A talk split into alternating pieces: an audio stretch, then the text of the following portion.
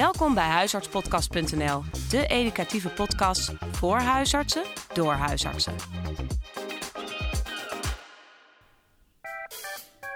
Goedendag beste luisteraar, leuk dat jullie weer luisteren. Deze podcast gaat over zelfzorg voor de huisarts.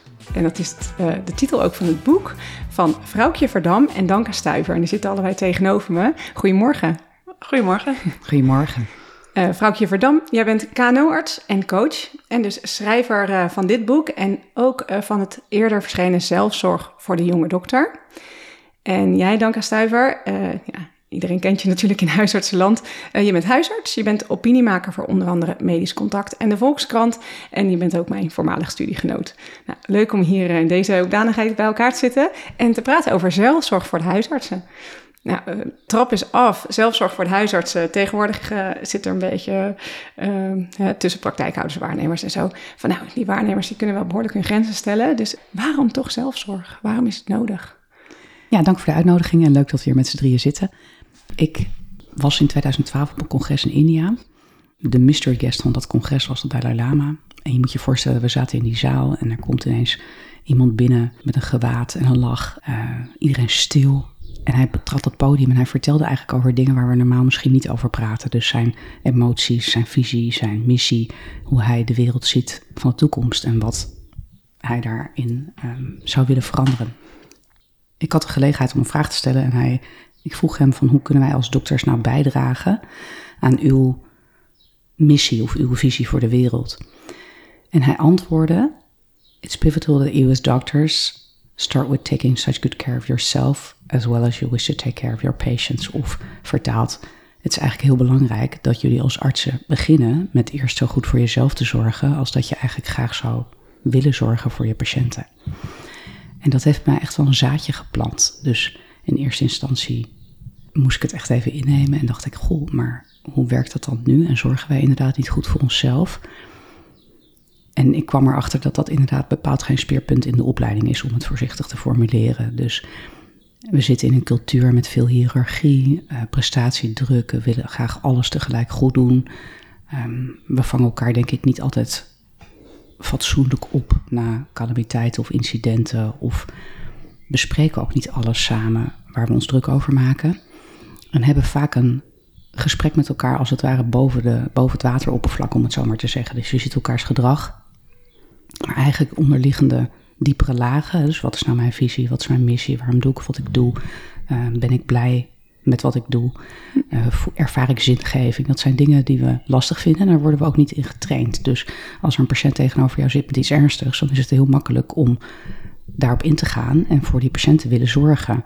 En of je dan zelf bij wijze van spreken de simpele dingen zoals op tijd naar bed gaan, geluncht, uh, fysieke activiteit, zorg voor je gezin, Um, of dat daarin ook prioriteit wordt, valt op zijn minst te betwijfelen. Dus ja, op het moment dat je je daar meer bewust van wordt, ga je meer om je heen kijken. En ik denk dat ik zelf ook wel wat uitdaging uh, aangetroffen heb in dat parcours. Um, dus ik wilde daar beter in worden. En ineens twee boeken. Ja. Nou, dit is dus eigenlijk gewoon de boodschap van de Dalai Lama verspreid naar uh, de huisartsen in Nederland. Heb je hier nog wat aan toe te voegen, Danka? Uh, nee, zeker niet. Nee, ik, uh, ik denk, ik vond, uh, toen vrouwtje mij vroeg om, om haar hierbij eh, te helpen, dacht ik eerst van, hè, in heel veel dingen zijn wij heel verschillend. Ik ben niet zo van, ik ben nog nooit in mijn leven gecoacht. Ik, ik, ik schijn daar redelijk uniek in te zijn als ik zo om me heen kijk.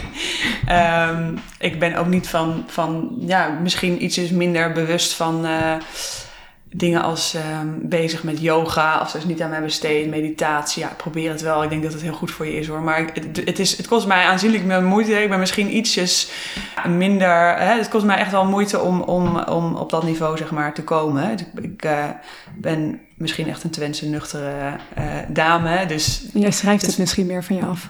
Ja, misschien wel. Of het is, dit is het bijna tegen natuurlijk af en toe om, zo, om je zo, um, ja, daarin te verdiepen of die bezieling te zoeken of daarin eh, je, jezelf helemaal. Um, ja, te, te, ja, ik bedoel, tijdens de opleiding hebben wij het ook wel gehad. Dat ik op een gegeven moment dacht van, uh, we evalueren ons helemaal zot hier. Maar wat, wat, leidt het toe, zeg maar? En dus dat is, dat is denk ik een beetje dat voor mij soms, ehm, eh, ja, wel, het was voor mij wel een, uh, een uitdaging om, om dit met vrouwtje te doen. Want het is iets wat ik dus niet van mezelf doe of zo. Dus je bent toch stiekem een beetje gecoacht? Ja, ik ben stiekem wel een beetje gecoacht, ja. ja. Ik heb denk ik... Ja, ook als je kijkt naar mijn stukken, ik vind het heel leuk om, om uh, te kijken naar wat gebeurt er nou in de zorg en waarom doen wij wat wij doen in de zorg. En niet alleen maar in huisartsenzorg, maar eigenlijk zorgbreed. En welke belangen en welke machten en welke krachten spelen daar een rol in. Uh, en met name ook vind ik dat er veel huisartsen toch wel ja, over zich heen laten lopen. Ik denk dat wij als beroepgroep aan zich ja, moeilijk vinden om paal en, en perk te stellen, hè, om, om, om een nee te zeggen. en ja, dat is een van onze problemen als huisartsen, denk ik.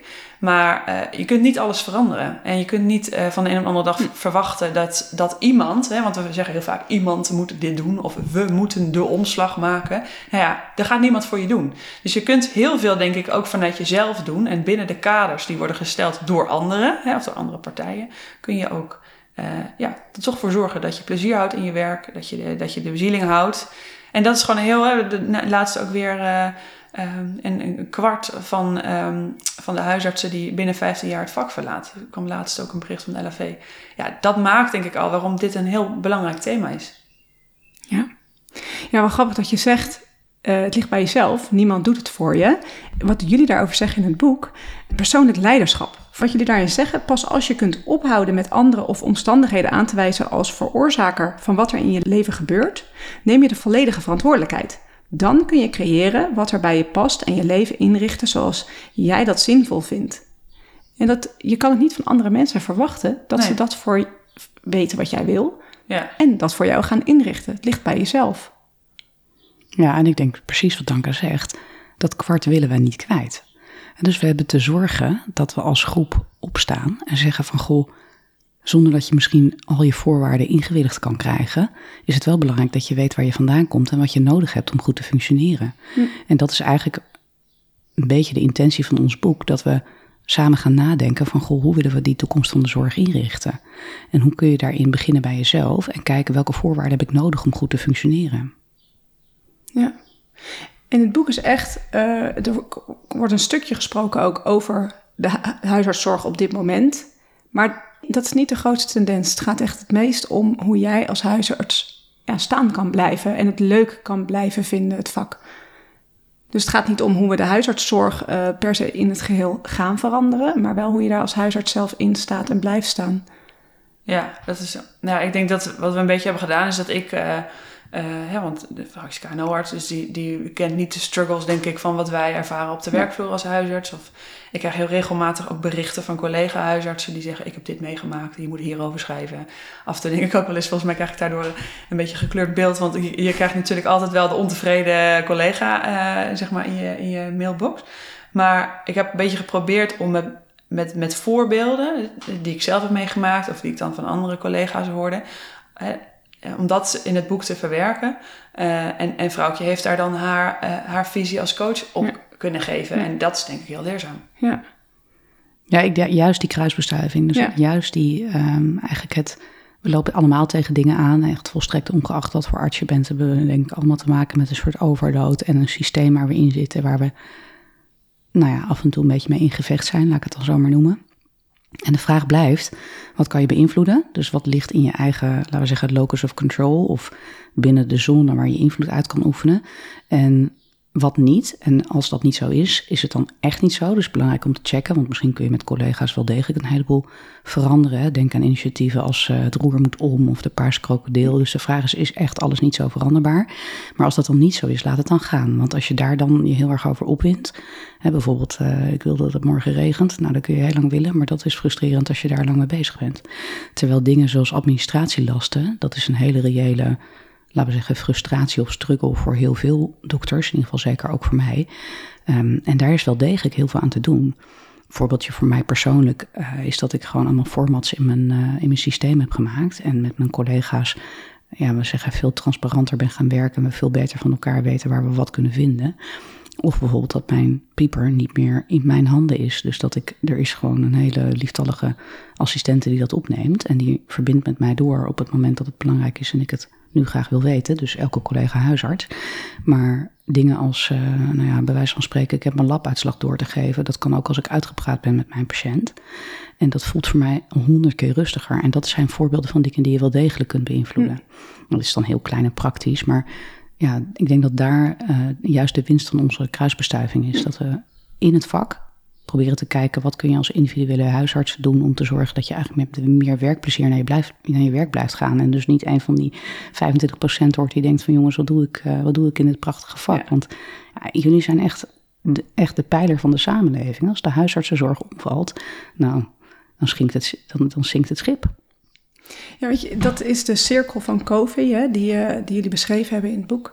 Waar heb je invloed op en wat niet? Um, twee dingen. Ten enerzijds, uh, je moet er dus bewust mee uh, naar kijken. heb ik hier invloed op of niet? Ga ik meer zorg maken of, of niet? Um, en ten tweede denk ik ook dat heel veel mensen bepaalde stukken denken dat ze er geen invloed op hebben, zoals die administratieve lasten. Terwijl er misschien wel mogelijkheden zijn wat kan het brengen als je bewust naar zo'n cirkel van COVID kijkt? De cirkel van beïnvloeding. Nou, voor mijzelf in ieder geval meer een gevoel van autonomie. Mm En dat is nogal een belangrijke factor als het gaat over wanneer zuigt je werk je leeg of wanneer krijg je er energie van en ga je met een glimlach naar huis. Er zijn gewoon heel veel dingen waarvan we aannemen dat dat waarschijnlijk niet anders kan. En in de waan van de dag is dat ook ontzettend menselijk en heel invoelbaar. Want Um, nou ja, bijvoorbeeld, wij hebben dan recent verbouwd. Er was ontzettend veel in die verbouwing waarvan ik het gevoel had dat ik er geen invloed op had. Als de stukken door, bij wijze van spreken, niet aangesloten uh, kwam qua timing met de schilder of degene die de vloer legde of de loodgieter en ga zo maar door. En soms heb je inderdaad geen invloed en soms heb je wel degelijk invloed.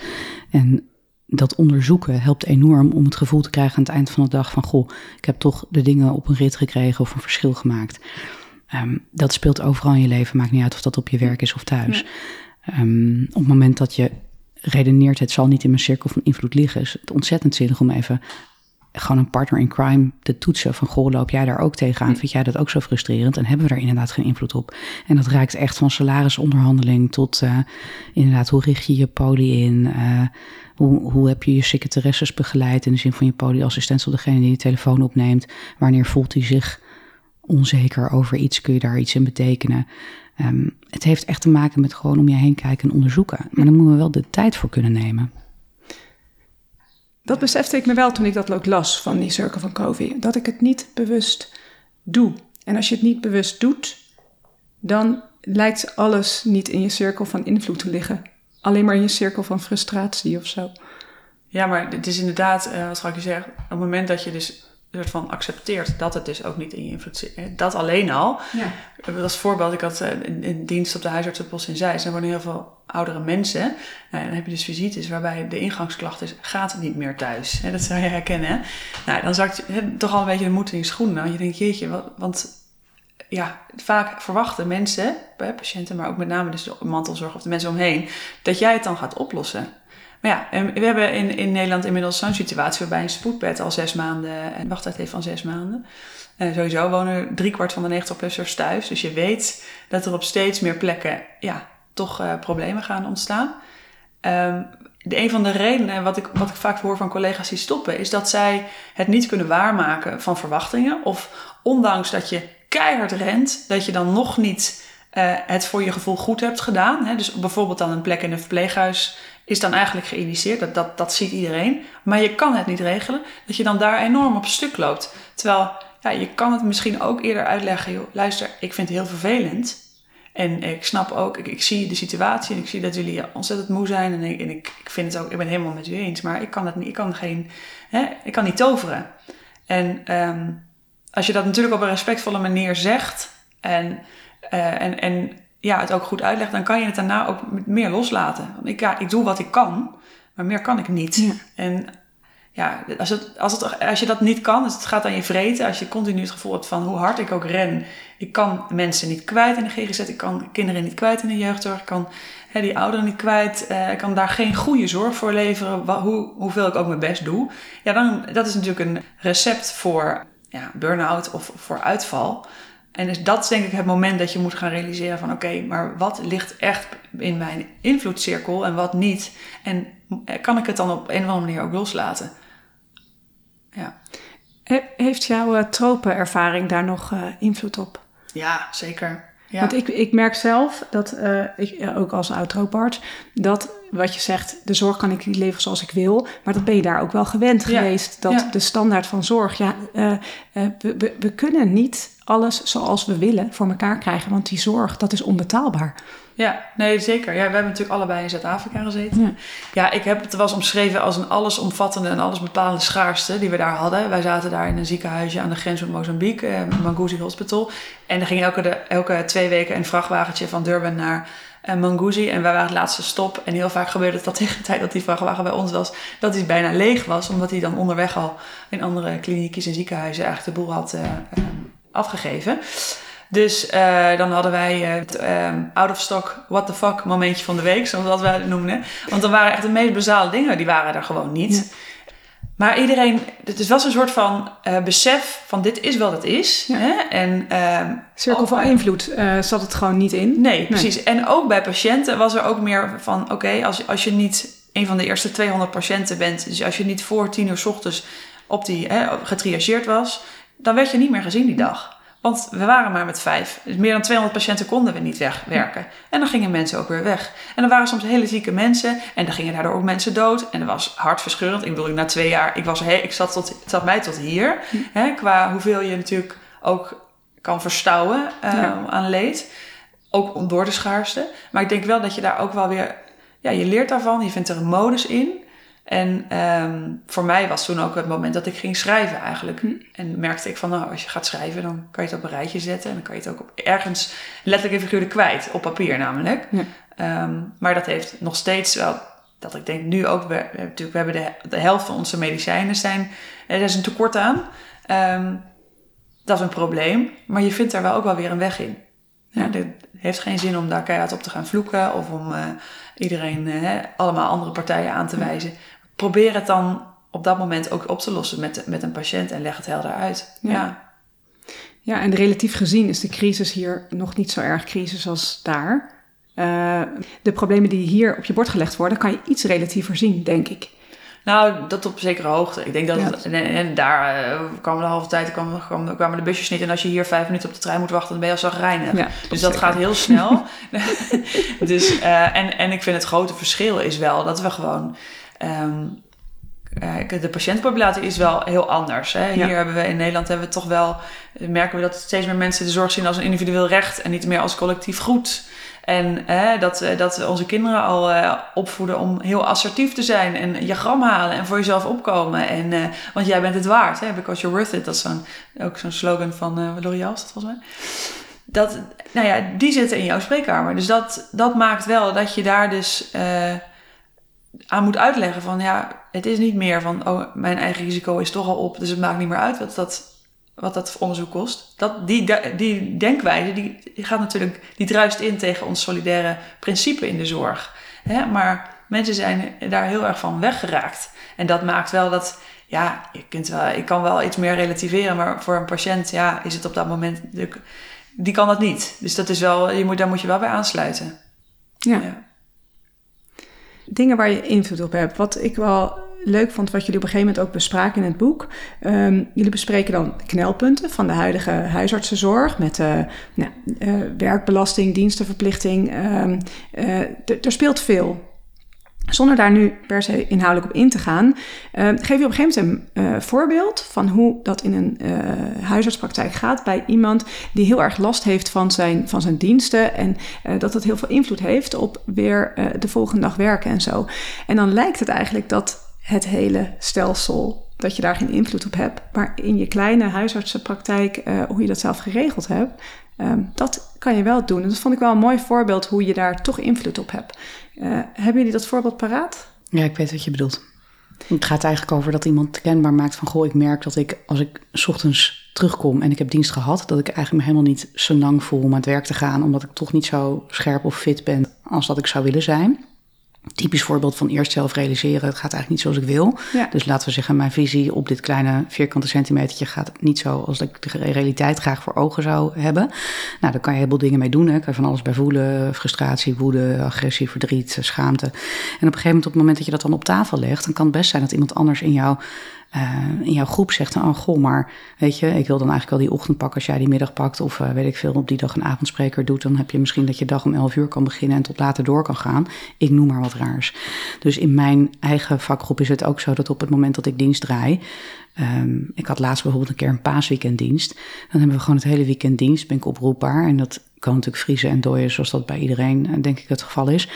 Maar na dat paasweekend ben ik dan op dinsdag niet meteen de allerbeste versie van mezelf. Dat zou wel leuk zijn, maar zo werkt het niet. En ik heb geleerd nu dat ik denk, oh, maar als ik dat dus heb, dan is het hartstikke verstandig als ik die dinsdag of misschien alleen de ochtend even gewoon afstand neem, niet werk, bijkom en dan pas weer mijn werk aanvang. Terwijl op het moment dat ik dan dinsdag, woensdag, donderdag, vrijdag door uh, ga, nou, er komt een moment dat ik me dan afvraag, wil ik dan graag als ik patiënt zou zijn, die week bij mij op het spreekuur?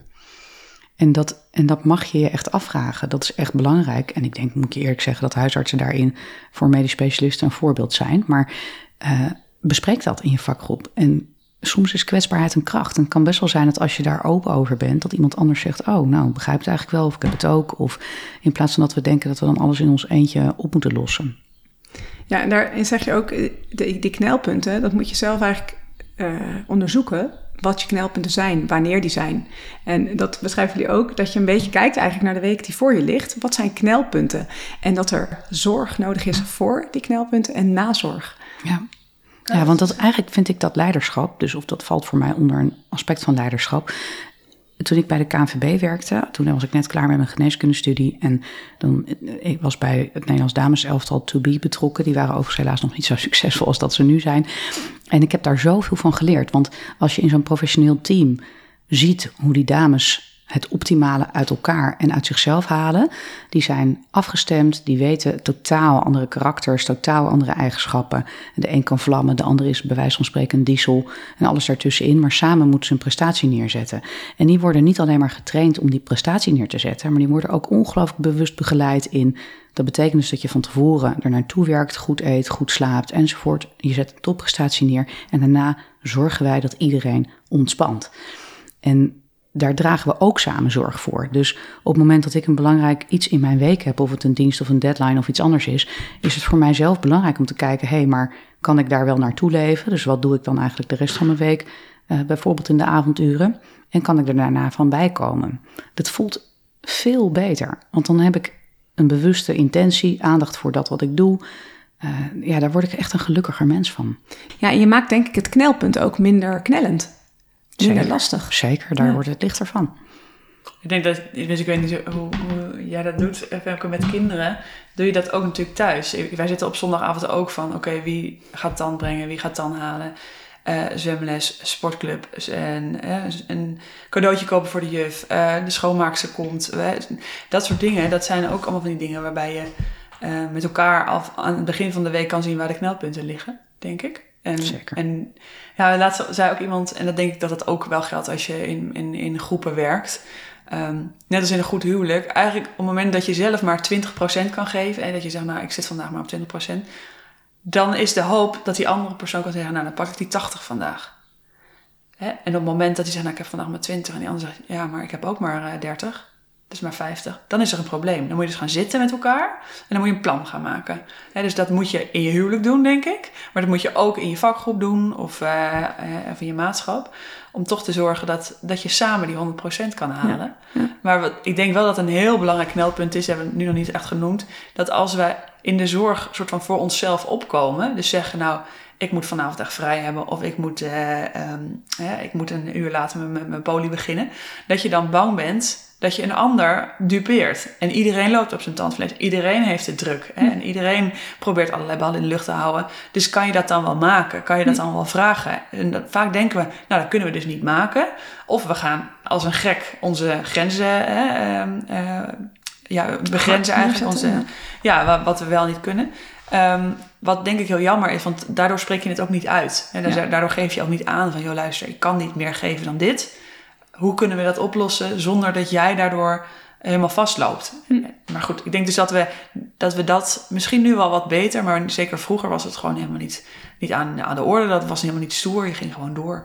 Ja. En, ehm, en dat wordt, ik vind dat wel, dat is echt wel veranderd. En nu ben je echt niet meer cool als je kan zeggen: Ik heb de hele nacht geopereerd en ik sta de volgende dag weer uh, poli te draaien.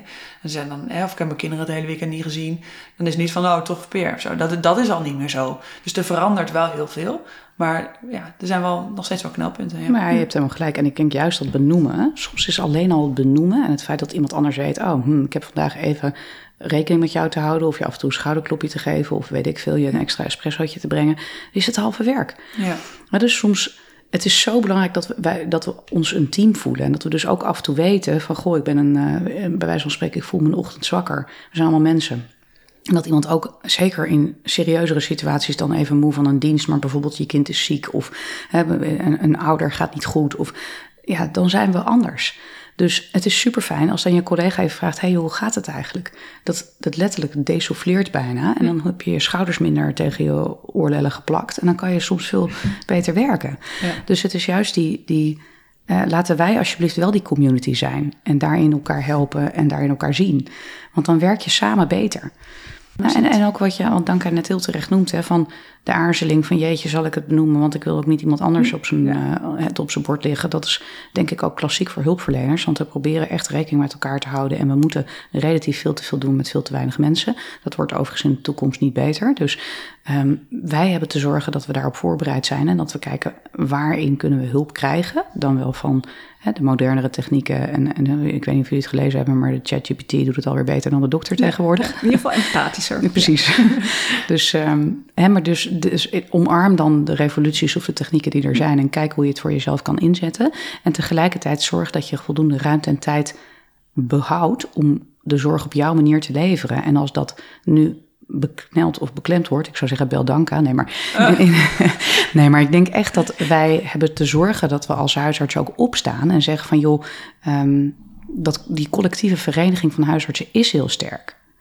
En op het moment dat we het met elkaar eens zijn en het samen doen, ook die jongere generatie en de generatie die al zit, en ook over de aarzelingen van praktijkovername, maar als wij samen uitleggen waarom dat zo lastig is en zo knelt, wordt het veel publiekelijker bekend dan dat we onderling zitten te ruzien van ja, maar ik vind dat de jongere generatie zus of zo en een beetje cherrypicken en millennials en dat is zo makkelijk hè, om elkaar te beoordelen of te veroordelen. Ja. En tegelijkertijd denk ik ja, maar er zijn in de maatschappij wel zo verschrikkelijk veel veranderingen aan de hand vergeleken met 10, 20, 30 jaar geleden. Al is het alleen maar de samenstelling van de huisartsengroep tegenwoordig ten opzichte van 30 jaar geleden. Um, dus he, laten we begrip voor elkaar opbrengen en kijken hoe kunnen we samen een land spreken. Daar gaat het over. En dat begint natuurlijk wel bij jezelf. Ontdekken wat vind ik belangrijk, hoe wil ik het anders. En goh, kan ik daar ook like-minded people in vinden? Zijn er mensen om mij heen die dat ook vinden? En oh, als dat zo is, wat kunnen we dan samen neerzetten? Ja. Um, het grappige vond ik dat ik weet niet of het ergens staat in het boek, maar volgens mij hebben we het er helemaal niet over als oplossing voor, uh, of als zelfzorg, dat je minder uren werkt. Dat woord is natuurlijk ook een beetje iets wat bij sommige mensen wat, uh, laten we zeggen, softe snaren raakt. Of dat iedereen denkt dan, maar god, waar gaan we nu weer naartoe? Mm -hmm. um, maar dat kun je denken, maar de uitnodiging is natuurlijk dat je beseft dat zelfzorg niet gaat over ik moet groente eten en ik moet uh, drie keer per week naar de sauna en uh, voor tien uur slapen. Maar de uitdaging is dat je denkt het gaat over autonomie. Dus voor mezelf zorgen betekent hoe zorg ik dat ik als ik bij wijze van spreken een zaadje ben, een goede bloem of een goede boom word, terwijl ik leuk werk heb en dat goed kan begrenzen. Nou, ik denk dat ja, dat een heel belangrijk knelpunt is. We, we, zijn dus dokter en we hebben een dienstbaar beroep. Daar ontkom je niet aan. Dus je hebt ook. Um, ja, ja, het verschilt heel erg per dokter, denk ik. Maar de, de mate waarin mensen zich identificeren met hun werk. En dat geldt toch nog steeds, denk ik, voor heel veel van ons.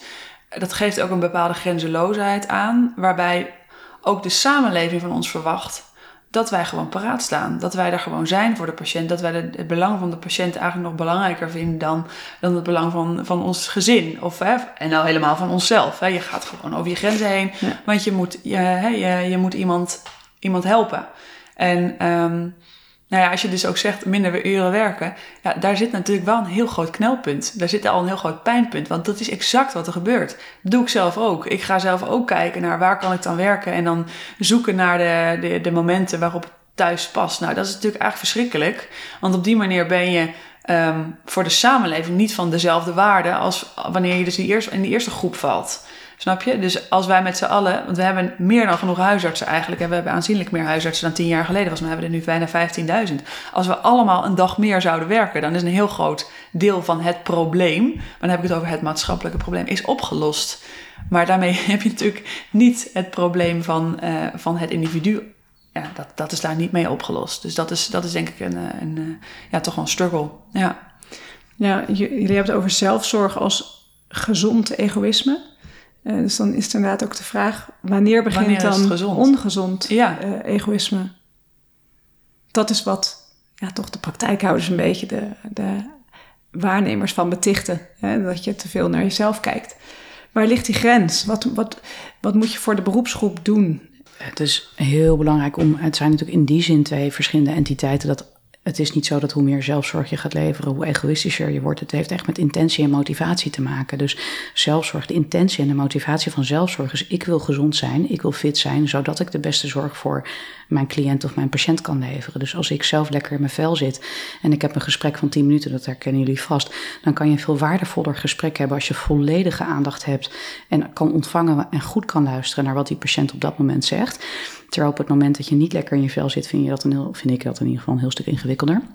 En egoïsme gaat over op het moment dat je zelf zeg maar succesvol wil zijn, of op het moment dat je zelf uh, jezelf dusdanig voorop zet of dusdanig uh, de situatie om je heen begrenst dat er niet meer een positieve intentie ook voor die ander in zit. Terwijl de intentie van zelfzorg is jezelf koesteren om te zorgen dat je juist ook voor die ander de beste versie van jezelf kan zijn.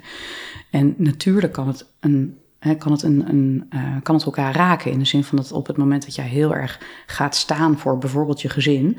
Waar ik overigens denk dat ouders de belangrijkste taak ter wereld uitoefenen in de maatschappij. Maar um, ja, natuurlijk kan het dan zijn dat je op dat moment inderdaad niet bereid bent om fulltime te gaan werken.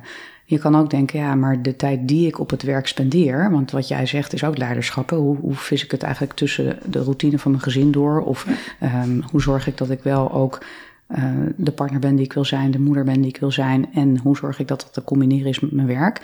Um, ja, dat zijn hele belangrijke zaken om te zorgen dat jij bij die 75% van de huisartsen blijft behoren en hm. niet de 25%. Ja.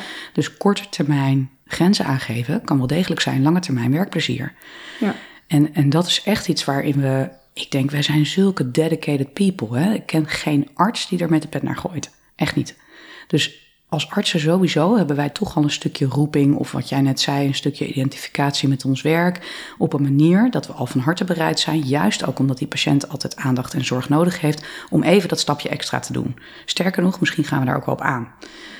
En wanneer gaan we uit of wanneer brandt het lontje te hard? Is belangrijk om van jezelf te weten, want dat verschilt ook per persoon, om te zorgen dat je daar eigenaarschap over kan nemen en verantwoordelijkheid in kan nemen. En voor mij is dat heel gezond egoïsme, als je dat zo zou willen noemen. Minder goed egoïsme is als het echt over jezelf en je eigen uh, succes en je eigen, jezelf zo voorop stellen dat je niet meer bezig bent met de ander. Hm. Zo heb ik het boek ook echt geïnterpreteerd. Dat de, de dingen die jullie meegeven, dat dat jouw werkdag leuker maakt. Het zorgt er niet voor dat je meer vrij gaat vragen of meer vrij gaat regelen, maar dat je je werkdag plezierig maakt en minder energie kost. Ja, absoluut. Ja. ja, dus zelfzorg inderdaad, het levert een beetje allergie op. Maar dit is zelfzorgen in het kader van ook voor iemand anders zorgen. Ja. ja. Hey Danka, jij als huisarts. Um, je had het net al e-, even over hoe je de dagen uh, zelf kan indelen zo uh, thuis. Um, hoe pak jij dit aan? Uh, ja, ik probeer altijd wel heel goed te kijken naar de dingen die me energie geven en die me energie kosten. dus dat staat ook aan het boek benoemd. Dat je daar, uh, dat, dat is verschilt heel erg. Ik ben in een opleiding hadden wij op een gegeven moment moest je ook zo'n poster maken. Um, dat vond ik trouwens ook vrij soft. Maar uh, met energiegevers, energienemers. En ik weet nog dat ik naast een collega stond. En dat mijn energie, uh, zeg maar, nemers bij haar bij de gevers stonden. Dat vond ik toen heel erg. Dat ik dacht, oh, dat kan dus ook. Hè. De dingen waar, waar ik op leeg loop, geven haar juist oh, energie. ja. vond, vond ik best wel een, een belangrijk moment. is niet zo soft. Hè? Nee, dus toch niet zo soft achteraf. Zie je, dus net, dat is net als met het boek maken. Uiteindelijk kom je erachter dat het gewoon hartstikke goed voor je is. Maar ehm, ik heb wel na een dag uh, spreekuur draaien... dat ik aan het eind van de dag toch een beetje ja, leeg ben. Het heeft mij heel veel energie gekost. Eh, empathie, eh, goed luisteren, geduld. Het geeft mij misschien minder dan de gemiddelde huisarts energie. Um, dus Terwijl als ik een dag heb geschreven, en, dat, en ik moet zeggen, ik zit s'avonds ook bijna altijd nog dingen te lezen en te schrijven. Dus als de kinderen in bed liggen, dat vind ik altijd een mooi moment om dan juist weer even aan het werk te gaan. Uh, daar krijg ik energie van. Dus dat, dan moet ik ook echt tegen mezelf zeggen, oh het is elf, ik moet nu echt naar bed. Dus ik weet dat verschil ook. En uiteindelijk vind ik het allebei heel belangrijk om te doen. En allebei heel leuk om te doen. Dus ik, ik wil het graag combineren. Maar ik weet wel dat als ik te weinig tijd heb genomen om uh, me goed te belezen hè, en kranten na te kijken. En uh, weet ik veel, ik vind bijvoorbeeld ook uh, Zorgvisie vind ik een heel goed blad. Dat lees ik ook graag. Um, podcasten van Marcel Levy, Hans van Zanten, dat soort dingen. Die wil ik allemaal wel beluisterd hebben. En daarna heb ik het gevoel van yes, ik ben weer op de hoogte. Ja. kan weer vooruit. Ja. En dan vind ik het ook weer fijn om in de praktijk te werken. Maar als ik dan alleen maar in de, in de huisartspraktijk heb gewerkt... ik heb dus heel weinig aandacht besteed aan het andere deel van wat ik doe... dan heb, ben ik minder blij. Ben ik gewoon, zit ik gewoon minder goed in mijn vel. Ja, want je zei net ook dat je dan wat meer doseert ook op je praktijkdagen. Ja. Uh, maar ja, jij, hebt, jij hebt dus ook eigenlijk een baan naast een baan. Ja, ik denk wel dat dat, dat, dat inmiddels zo is. Dus, en, ja. en, en, wat vind je daarvan? Eigenlijk vind ik van mezelf dat ik veel meer uren in de praktijk moet werken. Want dan ben ik van maatschappelijk belang. En er is een probleem en er is een tekort. En we moeten eigenlijk allemaal meer uren maken. Terwijl als ik kijk dan wat, wat voor mij zelfzorg is, dan uh, vind ik deze combinatie uh, op deze manier. Uh, ik heb ook nog een man die werkt op ruim een uur afstand. En die is voor zeven uur de deur uit en komt na zeven uur thuis. Dus het stukje thuis hè, met kinderen die ook nog naar zwemles moeten en naar een feestje moeten. En, en dat stukje pak ik ook op. Hè. Dat is prima, dat hebben we zo afgesproken. Um, maar ik denk dat is dus, ja, dat, is, dat maakt dat je niet misschien qua huisarts zijnde helemaal bent wie je vindt dat je zou moeten zijn. Als je begrijpt wat ik bedoel. zeker. En dat is denk ik ook een, een, een, struggle die veel waarnemers ervaren. Ik heb dan bijna een beetje schaamte als op de post iemand aan mij vraagt hè, tijdens een dienst: waar werk jij dan? Ja. En dan heb, waar, waar ben jij praktijkhouder? Dat ik dan denk: oh, ja, nee, ik ben waarnemer. En dan denk ik: oh, ik schaam me dan bijna een beetje dat ik dan nu na, na drie jaar nog steeds waarnemer ben. Want je zou nu toch inmiddels wel je eigen praktijk moeten hebben. Of je moet dan op zijn minst als hitta ergens vastzitten in loondienst. Uh, maar goed, onze persoonlijke situatie is dat we nu net anderhalve maand geleden uit, uit het buitenland zijn gekomen. En we nog niet goed weten waar we over, over een half jaar zitten. als je gaat trappen met een jongen klaar, dan heb je dat probleem. Of probleem tussen aanhalingstekens. Um, maar goed, dus dat, is, dat vind ik dus wel voor mij werkt dit goed. Hè? Deze combinatie werkt goed. Het feit dat ik flexibel ben in het, het maken van praatjes, uh, het geven van, uh, van lezingen, uh, het schrijven van stukken, meeschrijven aan het boek van, van Vrouwtje, maar ook aan het boek van Geheelmeesters ben ik bijvoorbeeld bezig met een hoofdstuk. Dat zijn allemaal dingen die me energie geven en die ik dan ook nog eens een keer flexibel kan doen rondom het gezin. Ja, dat werkt dan goed. In deze fase ook. In deze fase. En dan zien we ja. wel weer wat er over de komende jaren wel mogelijk is. Ja. In ieder geval, dat ervaar ik zelf heel erg. Dat ik, ik zou dit werk niet kunnen doen erbij, het podcast maken, als ik uh, in een praktijk vast zou zitten als praktijkhouder. Nee, nou ja, ik denk dat heel veel praktijkhouders zouden zeggen, nou dat is niet waar. Hè? Want dat ja. hoor je dan ook wel van, je bent juist meer flexibel. En hè, als je als waarnemer een ziek kind hebt en je neemt je kind mee naar een praktijk, kijken ze gek op. Maar als het je eigen toko, dan is het misschien... Nee dan kan je dat misschien wel doen. En dan ben je juist meer in de lead, heb je meer uh, regie over je dag. Dus dat, hè, dat hoor ik ook. Dus ik denk dat dat zeker ook voor, voor een deel wel klopt. Um, maar ja, je moet ook wel de emotionele ruimte hebben om te zeggen: ik ga nu zo'n praktijk overnemen of ik ga nu ergens starten. Ja. Dat, is ook niet, dat is ook niet makkelijk. Ja, ik denk dat het goed is om daarover na te blijven denken. Hoe past het allemaal in de week? Uh, ja. Maar dat, nou ja, de schaamte, dat is, dat is wel een jammerlijk aspect. Uh, want ook in mijn werk zorg ik ervoor dat de, mijn, mijn co-podcasters, die, die kunnen wel hun praktijk draaien. Omdat ik van hun niet uh, vraag de ja, tijdrovende klusjes te doen. Nee. Ja. Hey, vrouwtje, hoe, kijk, hoe kijk jij hiernaar? Wat mij zo verbaast en wat ik, uh, wat ik toch even moet benoemen, is dat ik denk, dan is er zo'n enthousiaste, gemotiveerde jonge garde. Laten we zeggen, vers bloed. En de huisarts van de toekomst, of misschien de praktijkhouder van de toekomst, is aan het hè, 15 ballen tegelijk in de lucht aan het houden. Namelijk kinderen, gezin, ouders en oriënteren. Wat voor type praktijk wil ik laten werken en op wat voor manier wil ik laten werken en hoe zou ik het dan in willen richten? En mogen we alsjeblieft deze enthousiaste jonge huisartsen de gelegenheid geven om dat proces door te maken en daarin te voelen wat past, zodat ze straks al dan niet de keuze kunnen maken om een praktijk over te nemen en dat op hun manier in te richten. Laten we daar geen oordeel over hebben. Zo, amen, uh, vrouwtje. Ja, en ik vind het wel belangrijk wat jij zei, ook die levensfase. Dus dat je kijkt, wat is er nu binnen deze levensfase mogelijk? Voor mij was, toen we naar Aruba gingen, dat was inderdaad ook omdat uh, Joris op dat moment een vaste plek kreeg daar. En het voor zijn uh, ja, leercurve en het, überhaupt het uitoefenen van het, het vak op dat moment gewoon een hele mooie kans was.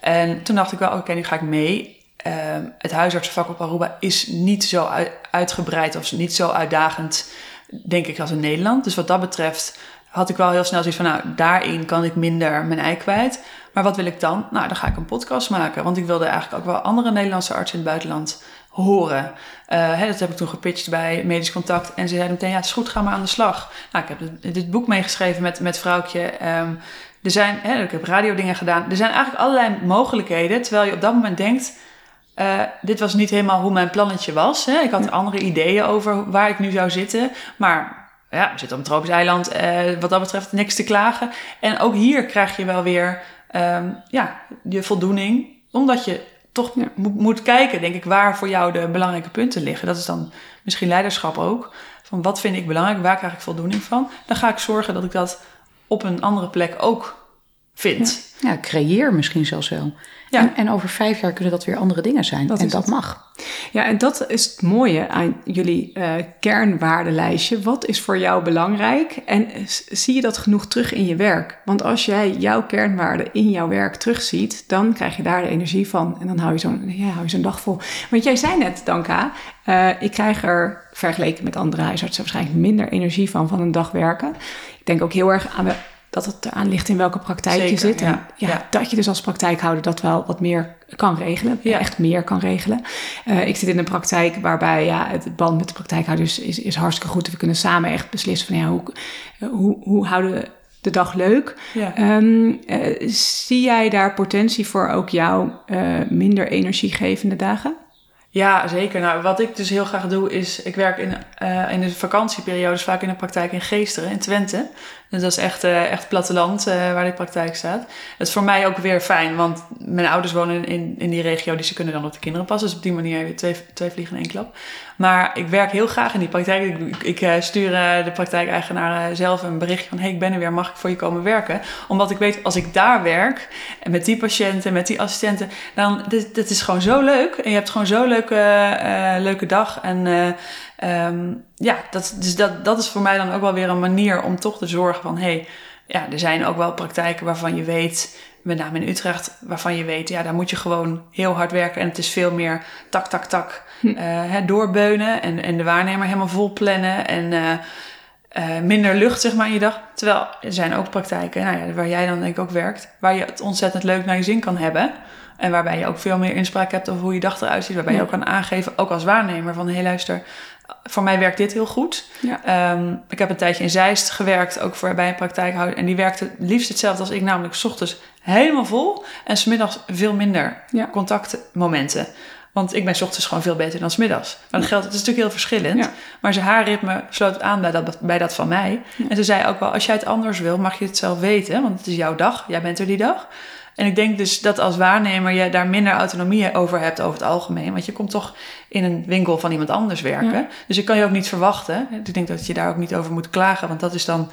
Je hebt veel voordelen, maar je hebt soms ook nadelen.